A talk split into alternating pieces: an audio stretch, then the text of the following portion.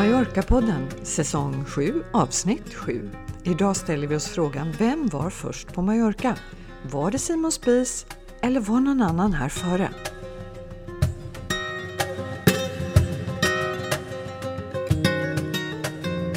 Hej Helena och alla våra lyssnare där ute! Och hej Katarina! Hur är läget? Ja, men det är, det är härligt i min lilla inspelningsgarderob som jag har här hos mig. Ja, den är så mysig, den ser jättemysig ut. Ja, det kan vi ju berätta för våra lyssnare att vad vi gör nu, det här är riktigt bra radio, vi pratar om hur det ser ut. Jag sitter bland byxor och skjortor och tröjor som fungerar alldeles utmärkt som ljuddämpare. Alltså vi borde egentligen lägga, in, lägga ut en bild på dig när du sitter i garderoben och spelar in. Jag ska, jag ska ja. göra det. Jag är inte helt säker på att jag gör det just idag, men jag lovar att jag ska göra det.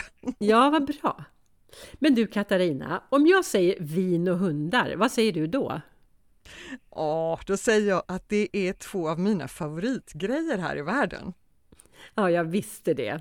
Och så är det även det här avsnittets sponsor, för det är Winedog dryckeshandel. Du vet de som bland annat har ett stort sortiment, sortiment med viner från Mallorca.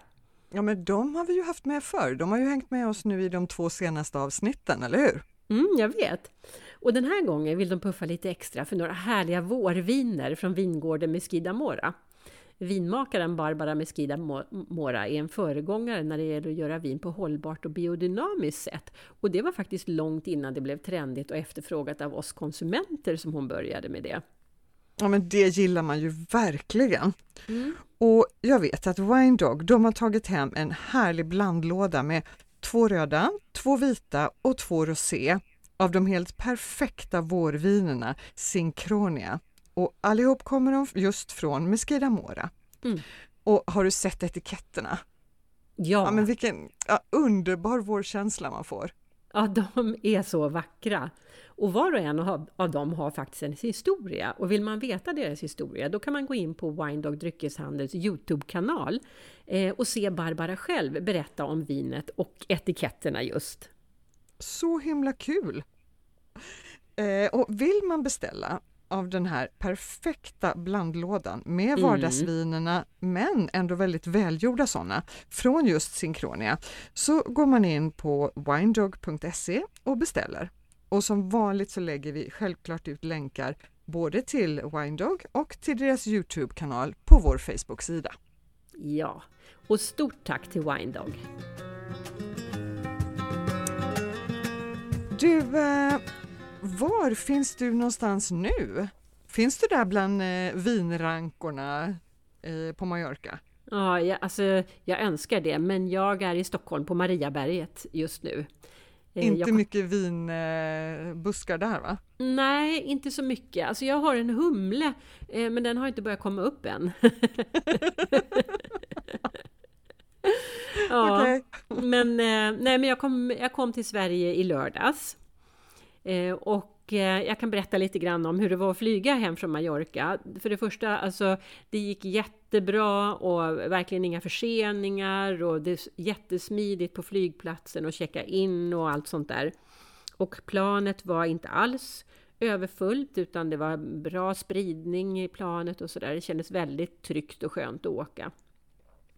Och eh, när man landar nu då, då går man förbi en teststation på Arlanda. Och jag gissar att de har den här teststationen på de andra internationella flygplatserna också. Eh, så där får man testa sig. Eh, problemet för mig bara var att jag visste inte om det. Så att jag gick liksom jag gick förbi den helt enkelt. Jag gick i spåret bredvid och struntade i att testa mig. Men det hade ju varit jättefiffigt om jag hade gjort det. Så det var inte liksom tydligt utmärkt att nu alla ni som landar, här ska ni testa er. Nej, och, det, och det, jag kan inte tänka mig att det var obligatoriskt, utan det är mer som en rekommendation att testa dig när du har landat, eh, så att du inte reser in i landet med någon smitta då. Eh, men sen ska man hålla sig i karantän i sju dagar, eller inte karantän, men att undvika kontakt med andra. Och så vill de gärna att man testar sig efter ytterligare fem dagar, så det ska jag göra imorgon tänkte jag ah, vad bra! Ja. Mm. ja, för det är ju så att man kan ju ta med sig den där förbaskade smittan även om man inte märker någonting själv. Mm. Men då ska man veta att på Mallorca är smittan just nu mycket lägre än, än vad den är i Sverige. Och ja, sist jag hörde någonting så pekade siffrorna neråt. Ja, det, alltså det känns ju så fantastiskt skönt. Ja, ja, men det är jätteskönt. Och du kanske kommer ihåg att förra avsnittet när vi spelade in, då kom ju jag samtidigt med de första tyskarna. Ja, hur gick det? Blev det tysk invasion och plötsligt kryllar av eh, turistgrupper i stan som vanligt? Ja, nej, det vill jag påstå att det gjorde det inte. Om vi säger Santa Catalina, där är, i, i och för sig så brukar det ju vara mest svenskar där, men där hörde man bara spanska talas överallt på alla eh, uteserveringar och sådär. Eh, så att i princip inga svenskar, inga engelsmän och inga tyskar där. Men inne i city var det väl lite tyska som talades.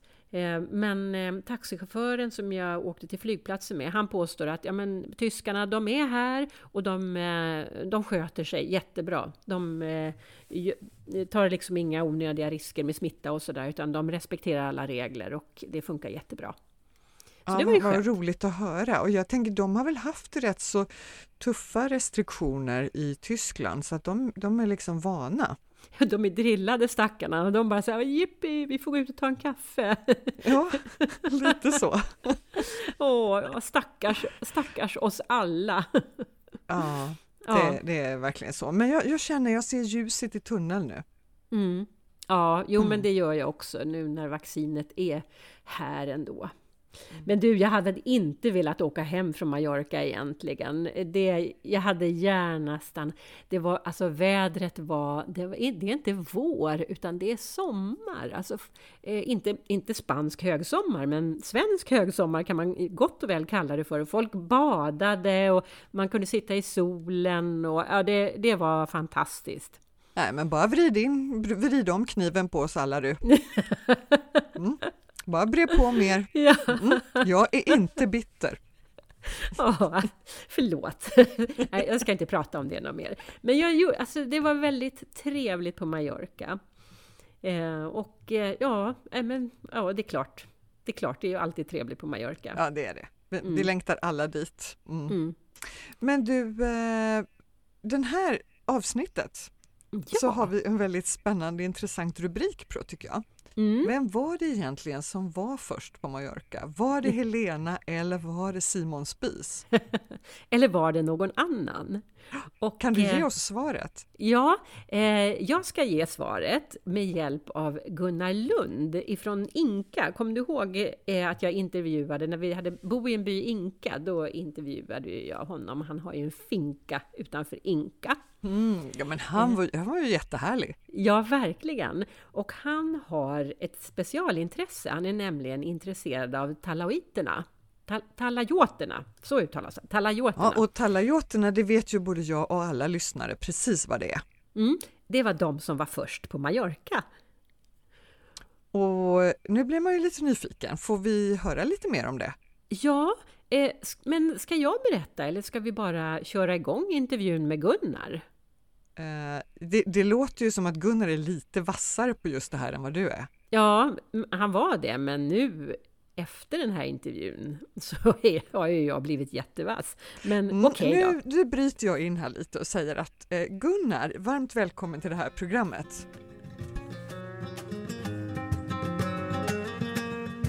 Ja, nu sitter jag återigen med Gunnar Lund och som jag träffade i Inka för ett halvår sedan. Välkommen till Mallorca-podden Gunnar! Tack igen! Det börjar bli en vana det här. Ja, ja men du är våran, våran mest frekventa gäst faktiskt okay. hittills. Eh, och den gången så eh, pratade vi om hur du hamnade i, du berättade lite grann om hur det var att bo i Inka och så berättade du för våra lyssnare hur du hade hamnat där också. Men mm. jag tänker för de som inte lyssnade då, du kanske kan berätta lite kort om hur Gunnar Lund hamnade på en finka utanför Inka. Jag kom för fem år sedan och eh, efter att min fru hade gått bort så ville jag starta om från början igen. Så att säga och eh, så jag bor där på denna finka och jag har lite djur och så där uppe och eh, har höns och får. Och jag stormtrivs i Inka till min förvåning för det, det var inte tanken från början att bo där men det blev så i alla fall. Ja, ja vad trevligt. Mm. Och Om man då vill höra hur det är att bo i Inka så kan man gå tillbaka och lyssna på det avsnittet. Ja. För det ligger naturligtvis fortfarande ute på våran, på våran hemsida. Men den här gången ska du inte prata om hur det är att bo i Inka utan du är ju in, du intresserar ju jättemycket för Mallorcas ursprungsbefolkning om jag har fattat det rätt. Ja, ungefär så. Ja, det, det, huvudintresset är ju dessa talajoter eh, som står för en epok eh, som varade för ungefär 5-6 tusen år sedan fram till strax efter år noll kan man säga. Någonstans därefter. 500-talet någonstans kanske. Jaha. Det är lite diffusa tidsbegrepp. Sen vad som är ursprungsbefolkning kan man ju fundera över. Men talajoterna har man minnesmärken efter så man kan ändå hitta en hel del strukturer i deras liv och så, så det, det kan man göra. Men innan dess har det säkert funnits befolkningar också. Våran ras, Homo sapiens, har ju funnits i ett par hundratusen år så att eh, om man tar det tidsbegreppet så har det säkert funnits eh, människor på ön långt innan talajoterna. Det tror Ja. jag. Ja, kanske osannolikt att eh, ingen skulle ha upptäckt den här vackra paradisön innan. Det har nog förmodligen med, med förmågan att bygga en båt att göra tror jag. Eftersom det är en ö. Du tror säger jag det? Ja. För går vi ännu längre tillbaka från, till, till de tidigare arterna, jag är ganska intresserad av antropologi överhuvudtaget, så att eh, vi har Homo erectus, Homo habilis och sånt där, då är det flera miljoner år tillbaka i tiden. ja. Och jag tror inte att de så långt tillbaka i tiden hade möjlighet att bygga en båt och ta sig hit. Det tror Nej. jag inte. Nej, så då var det kanske tomt. Ja. Men du, de, de, det här ursprungsbefolkningen som vi nu kallar dem för då, eller de som du har intresserat dig för nu, Mm. de heter alltså talajoter. Ja, talajoter är, de lämnade efter sig byggnationer på ön här. Det finns ungefär 200 lämningar efter talajoterna och de är ju sten, eftersom de levde under medeltiden så att säga, så, och innan dess, så är det byggt i sten naturligtvis. Och eh, talajoterna, det är den tonliknande byggnaden man gjorde som var antingen kvadratiska eller runda. Aha. Och eh, de, eh, då döpte man befolkningen efter den, namnet på de byggnaderna. Och det är ett arabiskt ord från början som heter Atalaya som betyder torn. Ah, ja, det finns ju en Det- ort i Turkiet som heter så, Atala. Ja, det ja, det. Ja, så det betyder torn. Och talajoterna är alltså tornbyggarna då kan man säga. Ja, det kan man kalla det. Precis, Ja, ja så vad är det. coolt. Ja. Så att eh, de dök ju upp då för ungefär eh, cirka 5000 år före noll finns de allra första indikationerna men man vet mer om den perioden som är ungefär 1000 år före noll och fram till 500 år efter noll, ungefär den perioden. Där vet man lite mer om dem. Aha. Så att då stod de på sin höjd. Sen blev de ju påverkade genom åren av många inflyttade folk som de flesta kom som erövrare. Men det fanns även, de första som finns det är, som dök upp här, det är ju de här fenicierna före år noll Ja. kom de. Men de var inte våldsamma utan de byggde upp handelsplatser och sånt där och var, var fredliga människor och utbytte varor och sådant med befintlig befolkning. Jaha, så de samsades med talajoterna? om- Fenicierna. Ja, ja okej. Mm. Sen kommer vi till 123 år före noll. Då kom romarna. Det var nästa folk och de var ju däremot eh, sådana så de besatte öarna kan man säga, tog Mm. över. De hade börjat komma innan 123 år, år 123 före noll. De kom redan några år innan med enstaka fartyg men de fick ge sig av därför att när de försökte landstiga så regnade stenar över dem. Så de blev skraja helt enkelt på göteborgska. De Ja. blev riktigt rädda och stack iväg. Och var det då talajoterna som, som Ja, bemästrade den här konsten? Då kommer vi till det. Då, är, då var de, talioterna var oerhört duktiga på att eh, sköta en slunga. De hade byggt en, tillverkat en egen typ av slunga i hampaväv. Eller hampaduk, eller vad det var för material man använde, hampliknande material. Ja. Och eh, de lyckades med den få iväg den här eh, stenen de använde och de tillverkade till och med även projektiler i upp till 100 km i timmen. De nådde 400 meter bort. Stenar. järnspikar, ja då förstår jag att romarna stack. Så när romarna kom så blev de eh, överösta med stenar så de sig iväg igen. Men sen kom de tillbaka då år 123 och då kom de i stor, i stor bredd och var så starka så att de kunde ta över öarna. Och då började öarna blomstra plötsligt för att romarna de byggde, byggde vägar och handelsplatser och broar och vattenviadukter och sånt där. Mm. Och då satte det igång att bli ordning och reda på ön här faktiskt. Ja. Men du, så talajoterna hade ett mer ett primitivt samhälle då? Ja, det får man nog säga. Ja. Oh ja, det får man säga. Romarriket var ju avancerat i, på alla sätt och vis. Ja. Eh, Men de första talajoterna som kom hit då, vet man någonting om varför de slog sig ner på ön? Var det för, eh, för att det var lägenheter eller så bördigt landskap eller fina takbarer? Eller? Ja, nej, man vet faktiskt inte det. Det, man, det finns en teori att de kommer från Sydfrankrike. Ja, okej. Mm. Och då ska de komma med båt naturligtvis i så Mm. fall. Mm. Oavsett vad de kommer med en form av flytande fartyg, det måste de ha gjort. Mm. Eh, Det finns men- även idéer om att det är från Mellanöstern också, Sardinien, den vägen åt det Ja, hållet, okej. att de kommer därifrån. Ja. Men jag tänker, jag skojar när jag sa det med takbarer förstås, men jag tänker, Ja, alltså, det jag kanske, misstänkte det. Ja, men, men jag tänkte att det kanske var andra saker på ön som Alltså att människor har slagit ner sina bopålar det har ju ofta eh, skäl till att det är bra försörjning, att det är bra bostäder eller, eh, eller någonting annat. Så det är oftast Man- inte takbarerna. Nej, man kan misstänka att det är, var lukrativ jord att bruka. Så att Okej, säga. ja. För det gjorde de. De hade både djurhållning och odlade. Mm. Det vet man ganska säkert.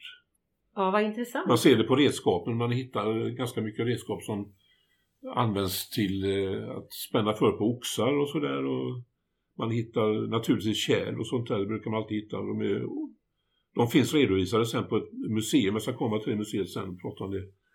Kärlen är oerhört vackra och avancerade så man hade nog ganska högt stående kultur tror jag. jag tror. Ja, ja. Eh, Man hade boskap och man hade eh, man odlade saker också. Man ganska säker på att man ja, odlade. Ja, gjorde man. okej. Ja. Och, så, och så tillverkade man kärl och var ganska eh, avancerade så. Men hur var det med samhällsstrukturen? Fanns det någon alltså politisk struktur så? Vet, Det vet man, någonting? väldigt lite om. Man Ja, försöker okej. dra slutsatser av byggnationen. Ja, Så de här talajoterna, de här tornbyggnaderna, de, de vet man inte om de var ceremoniella byggnader eller om de var... Det finns teorier om att det kan vara slaktställen, man slaktade djur där, jaha. slakthus. Ja. Eller att det var någon slags mötesplats för någonting annat. Det, man, man är inte säker. Man vet att tornen användes bland som utsiktspunkter. Det är självklart att man klättrar upp och tittade. ja, just det. Och de stod med viss regelbundenhet så man kunde förmodligen kommunicera mellan varandra också dessutom. Så. Jaha, olika byar liksom? Ja, till och med ja. finns det något exempel på där det är byggt i linje sju stycken talajoter med ett visst avstånd mellan varje då. Så att, Jaha, ja. Det kan man ju tänka sig att det var av kommunikativa skäl då, att man skulle Mm. kunna hålla kontakt. Mm. Det där är ju verkligen intressant. Men sen har du varit inne på att det har varit två omgångar med, eh, med samhällen också. Eller har jag missuppfattat det? Nej, det har varit många fler. Om du tänker på de som har kommit utifrån och tagit över, tänker du kanske? Ja, det, det finns, man delar in eh, talajotperioden i olika namn. Det är alldeles riktigt, det var nog det du tänkte på. Ja, det är nog det jag tänkte på. Ja, det finns pre-talajots. Ja. Pre-talajots, alltså föregångare då. Va? Men det finns eh, ytterligare ett par stycken sådana beteckningar. Men tyvärr är alla de här gränserna, de är ju inte exakta utan de är väldigt diffusa. Så att eh, de är svåra att fastställa. Och det finns, ing, det finns ingen teori om att det liksom skulle ha tagit tvärt slut och sen så börjat om igen efter ett Det, antal det, år. det finns någon teori om en kollaps som var ungefär 600 år före noll tror jag. Där, där tror jag det var någon slags kollaps av samhället. Mm. Som sen fick resa sig igen då. Ja. Sen var man ju ansatta utav fientliga krafter utifrån då hela tiden. Så att när romarna hade byggt upp det här och det blomstrade som, som bäst fram till år 400 ungefär. Då, då eh, kom vandalerna, de kom år 440. Mhm. Vandalerna det var ett folkslag som kommer från Germanska riket, jag tror från södra Polen om jag minns rätt. Och de har ju inget bra rykte, man pratar ju om vandaler som eh, Mm. rent allmänt också till och med. Va? Ja, vandalisera, det är, Ja, det är heter det. inte något positivt. Nej. Och de förstörde mycket av ön, de slog sönder det mesta och eh, bland annat hade då romarna byggt, när första de gjorde när de kom så byggde de en stad uppe i, i norr som kallas för Polentia. Jaha, ja. Då vet vi väl vilken stad du menar. Ja, det kan man tro, men det, det råkar faktiskt vara konstigt det här. Polentia byggdes där Alcudia nu ligger. Aha. Men sen när vandalerna kom 440 så, så plundrade de den staden och eh, brände ner den totalt, slog sönder den helt och hållet. Jaha. När, efter att man har blivit av med vandalerna så byggde, jag får säga majorkinerna, talajoterna då, byggde då en ny stad som de kallar Polen, Polentia och den byggs då där den ligger nu idag. Jaha. Ja.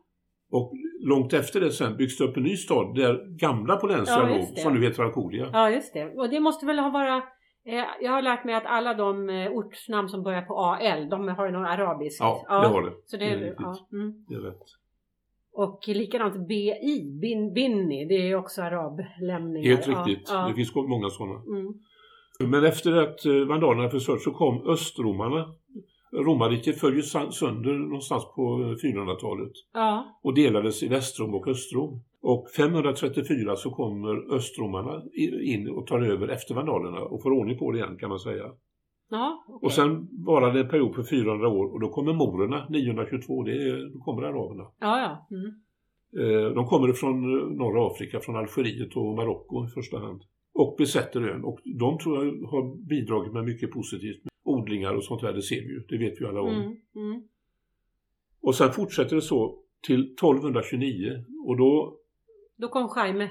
Jaime, Ja, den första erövraren, den katalanska erövraren kom och besatte ön igen. Och, och gjorde den kristen igen då. Slängde ut alla de här morerna som Ja. fanns. Det stod ju en moské där, där katedralen står idag. Där satte han ner, Helt raskt satte han ner ett kors. Ja. Och sen så ropade han på tusentals byggare och sa Bygg en katedral här. Ja.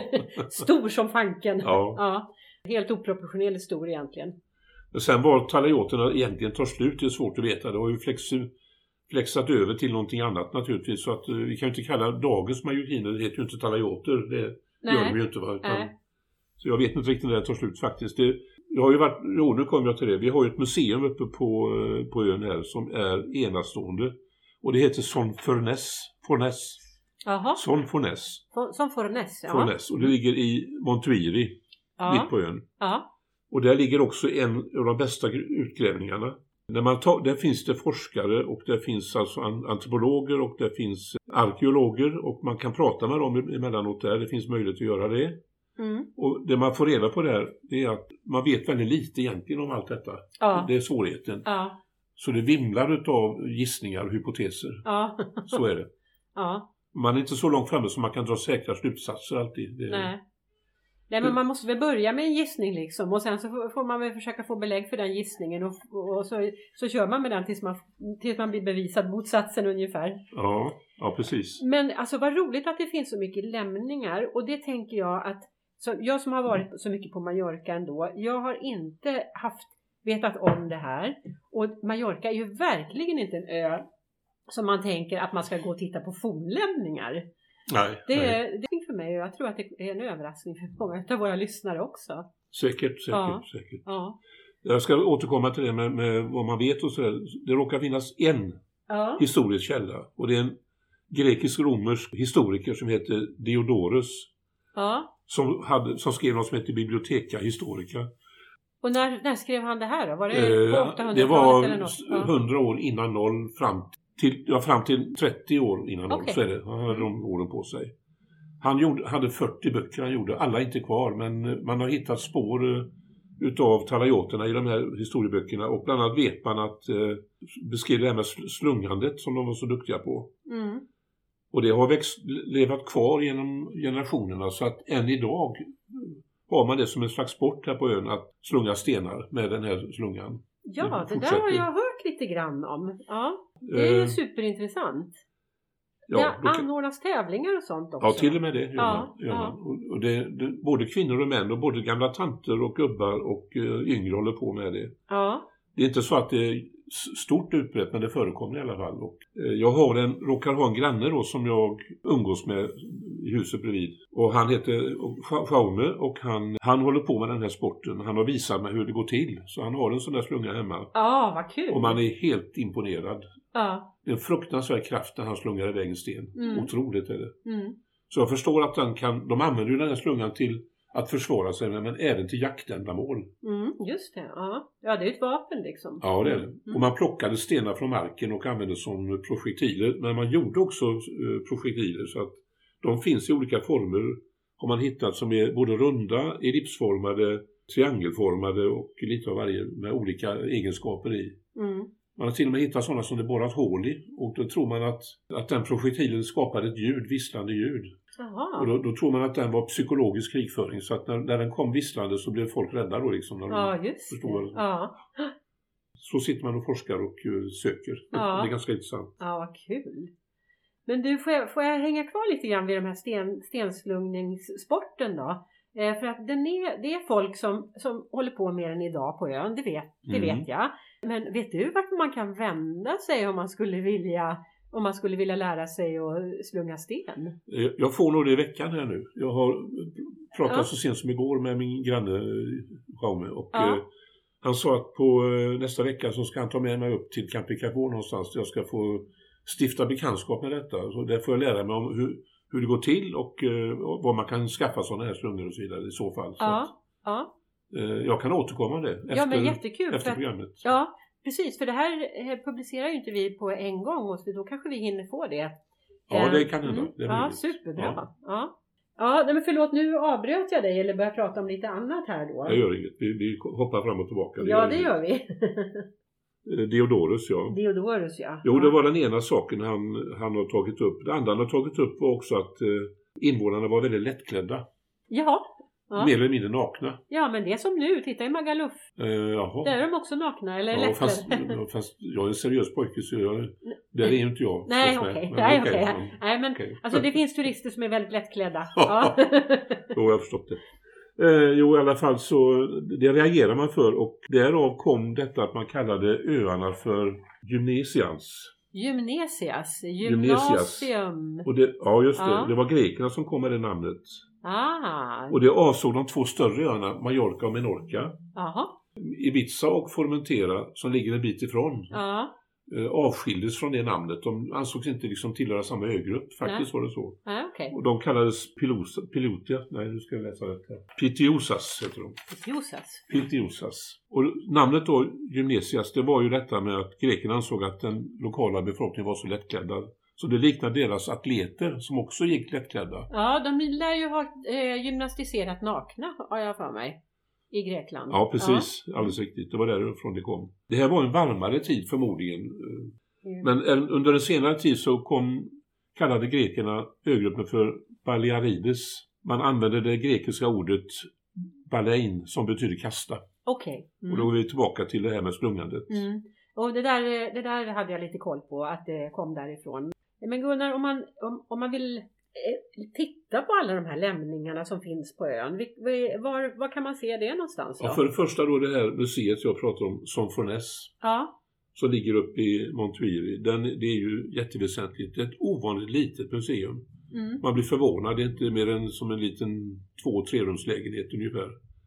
Men oerhört välskött, snyggt och prydligt och eh, pedagogiskt. ja och där finns det arkeologer och, och forskare som Ja, du sa. Så det sitter alltid ett par stycken sådana här som man kan prata med. Det Alltså, varje det gång jag har varit är där. ju jättekul. Ja, Och då, vad pratar de, pratar de engelska eller? ja gör de också. Ja. De är ju ganska det är akademiker. Så det Ja. funkar ju. Ja. De har lite material då som man kan få med sig. Men själva museet är pedagogiskt uppbyggt i nummerordning. Så man börjar helt enkelt på siffra nummer ett och läser skyltar på väggarna och ser de utställda föremålen och, och eh, läser in sig. Och det finns på engelska också den eh, informationen. Ja. Och läser in sig på steg för steg tills man kommer till slutpunkten. Och då har man fått den mesta information man kan tänka sig ha. Mm. Oerhört intressant. Mm. Fascinerande att se de här vackra kärlen de har gjort, eh, krukor och kärl och sånt där. Ja, ja, men det måste ju säga en hel del om hur framstående samhället var. Så Ja. det blir jag jättenyfiken på. Nu vill jag se det bums. Ja. Ja. Sen har vi då, förutom museet då, så har vi då ut, platser med utgrävningar som är eh, av hög kvalitet. Och den ena som jag tycker är bra, det är den som ligger i Montuiri. Det finns en sådan här också. Den ligger en tre kilometer ifrån museet. Mm. Är det en gammal by då liksom? Ja, det är en gammal ja. by. det. Ja. Det är den ena. Och den andra som är bra, den ligger nere i Jukkmajor mot kusten, där sydkusten. Med ett café till också. Ett ganska påver sådant, men charmigt. Träbänkar och sånt där. Där brukar det samlas cyklister och sånt där på sommartid. ja, men sånt gillar man ju. Ja, Ja, lite avskalat. Det är alltid charmigt. Ja. Ja. Det är också en bra plats. Och det finns ju fler, men de här två är nog de säkraste att åka till. Mm. Och man, ska man i första hand, i första steget lära sig någonting om det här så är det, räcker det att ta en sån här plats. Men man åker ju inte runt och tar alla på en gång. Det blir lite tjatigt för Ja. att se likadana ut i ja, princip. det är väldigt mycket sten. Ja. Mm. En sak som man, jag vet du sa någonting om det när vi pratades vid tidigare om det, som man förvånas över det, hur kunde dessa människor utan grävmaskiner och lyftkranar och allting Hur kunde de få upp stenar som väger två ton på varandra Ja, i torn? Det ja. var ju extremt eh, svårt tycker man. Ja, ja, men det är lite grann som mysteriet med pyramiderna. Ja, Hur det gick det här till? Jo, man gjorde så att man, eh, man började nerifrån förstås. Ja. Självklart. Byggde en första basring.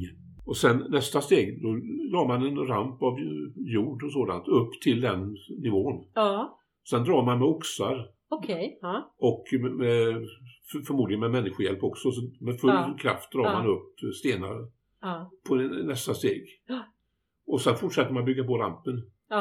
Tills man kommer upp så högt som, så att inte rampen längre fungerar. Då är man uppe på en 6-8 meter någonting. ja, alltså det är helt färs. Alltså vilket, vilket tålamod. Alltså Det vilket, man, man måste verkligen vilja. Man har en Ja. enorm Det strävan. är ju inte gjort liksom. på en eftermiddag liksom. Det- Nej, verkligen inte. Dessutom så stod ju byggnaden också i tusentals år. Ja, Till skillnad från våra byggnader med gipsskivor som inte håller mer än 30 år någonting. ja nej, men kära någon, det finns byggnader, jag vet inte här, men i Stockholm så har jag eh, bott bredvid ett bygge som är byggt på 80-talet, kontorshus. Ja, Och det är omodernt nu, så ja nu river de det. river de ja. Ja, ja. men det var inte det vi skulle prata om. Så det är Jokkmajor och Montuiri som har de bästa lämningarna. Det liksom. tycker jag nog ja. Mm. Plus en begravningsplats uppe i norr. Som är en av de första platserna. Som, har, som de har byggt de här eh, människorna. Ja, okej. Mm. Sen är, det har jag inte sagt heller, sen är väl det så också att jag har inte varit där själv men de här två öarna så är Man- Menorca mer rikligt försedd med lämningar. Där finns betydligt större och bättre lämningar än vad det gör på Mallorca faktiskt. Jaha, ja. Så det blir ju en pilgrimsresa dit snart, det är ja, det förstår jag. Det, Ja. och det finns ju flera skäl att åka till Menorca. Det är Ja, det det. superfint där. Ja, så det är vad vi ska göra om vi vill se lite lämningar. Det är att åka till Montuiri, Jokkmajor eh, eller till Menorca. Om man nu är på Mallorca, det är ju de flesta som hör detta också, också kan bli lockade av att göra och sätta sig in i det här. Kan ju starta med att ta det här museet för det första och sen en sån, börja med det först och sen en sådan här urklädningsplats efter det sedan. Mm. Jag har ju tagit med mig vänner och bekanta på, det, på de här ställena och visat upp. Och den, den rätta tågordningen, jag har till och med haft en grupp med mig upp vid tillfälle. Jaha. Och vi, vi la upp det så att jag hade på ett café hade jag först en genomgång. Mm. En halvtimme, timme där jag gick igenom ungefär vad det handlade om. Mm. Och sen åker vi gemensamt upp till Montuiri och tittar på museet. Jaha. Och det tar en timme ungefär. Ja. Man kan gå där två timmar också men eh, en timme räcker nog ungefär. Ja. Sen åker vi vidare till lunch på något bra ställe. Ja. Eh, och sen efter det så tar vi utgrävningsplatsen. Och sen eh, stänger vi ner. Och det är en fem timmars historia Ja, just det. ungefär. Och då har man lärt sig liksom jättemycket Ja. på de fem timmarna. Så du är historisk reseledare alltså? Glad amatör, Ja. verkligen. ja. Jag har gjort en pdf från detta, en 12-sidig. Den skickar jag gärna till den som vill ha den. Den delar du frikostigt med? Jajamensan. Och även då gärna bollplank om någon vill själv göra allt detta. Skulle någon vilja att jag skulle vara med som någon slags reseledare så är jag gärna det också. Ja. Då, då tar jag en slant för det. Men jag kommer in på det nu här då med nästa steg här. Då är den symbolisk och totalt förhandlingsbar och de pengarna går direkt till Tardor som jag engagerar mig nu. Fick Ja. jag sagt det också. Mm, ja, men det är jättebra. Tardor är en hjälporganisation här i Palma som serverar 800 till 1100 mål mat om dagen till fattiga och till eh, pensionärer som inte får någon mat. Ja, som verkligen, verkligen behövs nu. Ja. Så de, de pengar man stoppar in där, de går till livsmedel, Ja. inte till något annat. Det delas inte ut som pengar utan man köper livsmedel så ser det, är det ett stort antal kockar och frivilliga som står och lagar mat till dessa människor. Och så lämnar på soppköp, sopp, Ja. så kallat soppkök. Ja, De får en påse med mat varje ja. ja mm. Fantastiskt. Ja. Det var en passus men Ja, men det var en väldigt bra passus och det var en bra avslutning också. Så, och vi kommer att lägga upp Gunnars e-postadress på vår Facebook-sida så man kan mejla honom om man antingen vill ha eh, hans anteckningar om talajoterna eller om man vill anlita dig som reseledare då. Eller Och- bollplank. eller bollplank. Och är det så att man hittar på någonting så får man chippa in en liten slant och så går alltihopa till Tardor heter det. Exaktamente. Ja. Men Gunnar, det var otroligt intressant och roligt att prata med dig igen. Och eh, ja, i bästa fall så får vi flera tillfällen. Man vet aldrig. Jag. för den här gången tror jag jag säger tack. Ja, jag tackar också.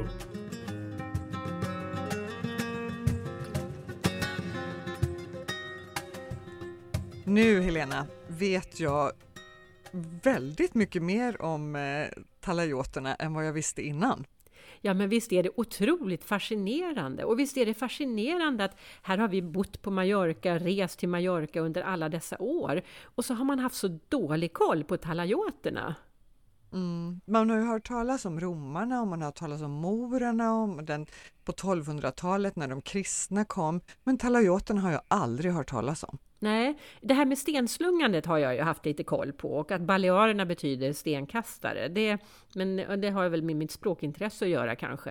Eh, mm, det... Men jag har sett eh, på någon festival när de hade lite olika tävlingar. Jag tror att vi pratade om det i den här podden fast det var väldigt länge sedan. Då mm. hade de bland annat stenslungning och så hade de någon slags bågskytte och ja. så byggde de ju de här mänskliga pyramiderna och det tänkte jag på att har det någonting med deras torn att göra kanske? Ja, kanske det. Det, ja, det sa ju alltså inte jag bara tänkte, Det kom om. liksom upp när jag hörde att uh, ni pratade om det. Ja, ja. ja, nej det vet jag faktiskt inte. Men jag blev väldigt inspirerad av den, eh, det här samtalet med Gunnar i alla fall. Så en dag senare när vi skulle ut och göra en utflykt på ön, då åkte vi till Arta, till lämningarna där och tittade på eh, det som är kvar av talajoternas samhälle. Och det var jättekul! Jättekul alltså! Kan du alltså, åka och titta på fornlämningar på Mallorca? Det är stenkul! Otippat! Från takbarer till fornlämningar. Se, men vad har inte den här ön? Alltså, Mallorca har allt. Ja. Och hur, men är det, liksom, är det bara någon liten stenhög på en gräsmatta eller? Nej, alltså det är ju mycket sten, det blir det. Och det blir lite intetsägande för man vet inte, man förstår inte alla stenar man ser. Men det var på ett stort område, alltså det var mycket ruiner.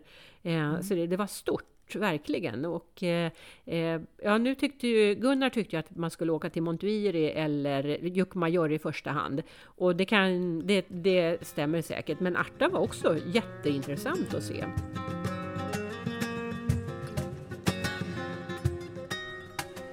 Du Helena, har du laddat upp med någon språkspaning den här gången? Eh, ja, jag har inte laddat upp med en egen språkspaning utan vi har ju fått, eh, vi har ju gästspelaren Yes Spanish som då hjälper oss med lite spanska uttryck. Just det, ja. Åh, oh, vad spännande! Vad har vi den här ja, gången?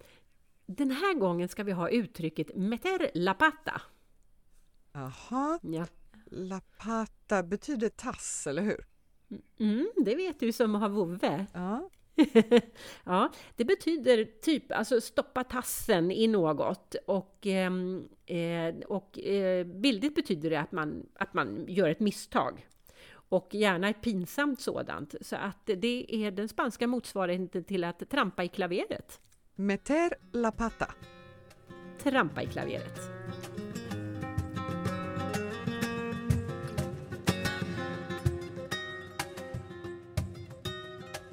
Men det är ändå spännande att få ett perspektiv tycker jag. Ja, det är det verkligen. Och jag tycker att vi ska prata mer om Mallorcas historia i podden. Och jag har, några jag har några idéer, så jag tycker att vi ska fortsätta med det här. Jag hoppas att lyssnarna också tycker att det är kul. Ja, och då kan man ju definitivt säga att vi började i rätt ände, för då började vi från början. Mm. Mm. Ja, så då, då det... Finns det en risk för att våra lyssnare kan få höra om både morer och romare och vandaler? Den perioden tycker jag ska bli spännande. Ja, precis! De har ju ja. kommit tillbaka nu, tänker jag, i Magaluf och sådär. Ja, ja. Vandalerna i Magaluf. Precis. Ja. ja men du, det, det siktar vi in oss på.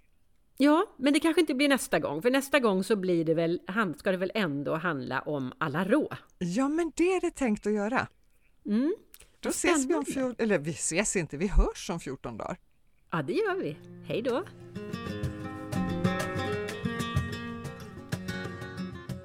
Du har lyssnat på Mallorca-podden. På vår Facebook-sida så hittar du alla avsnitt och under varje avsnitt så hittar du länkar till det vi har pratat om.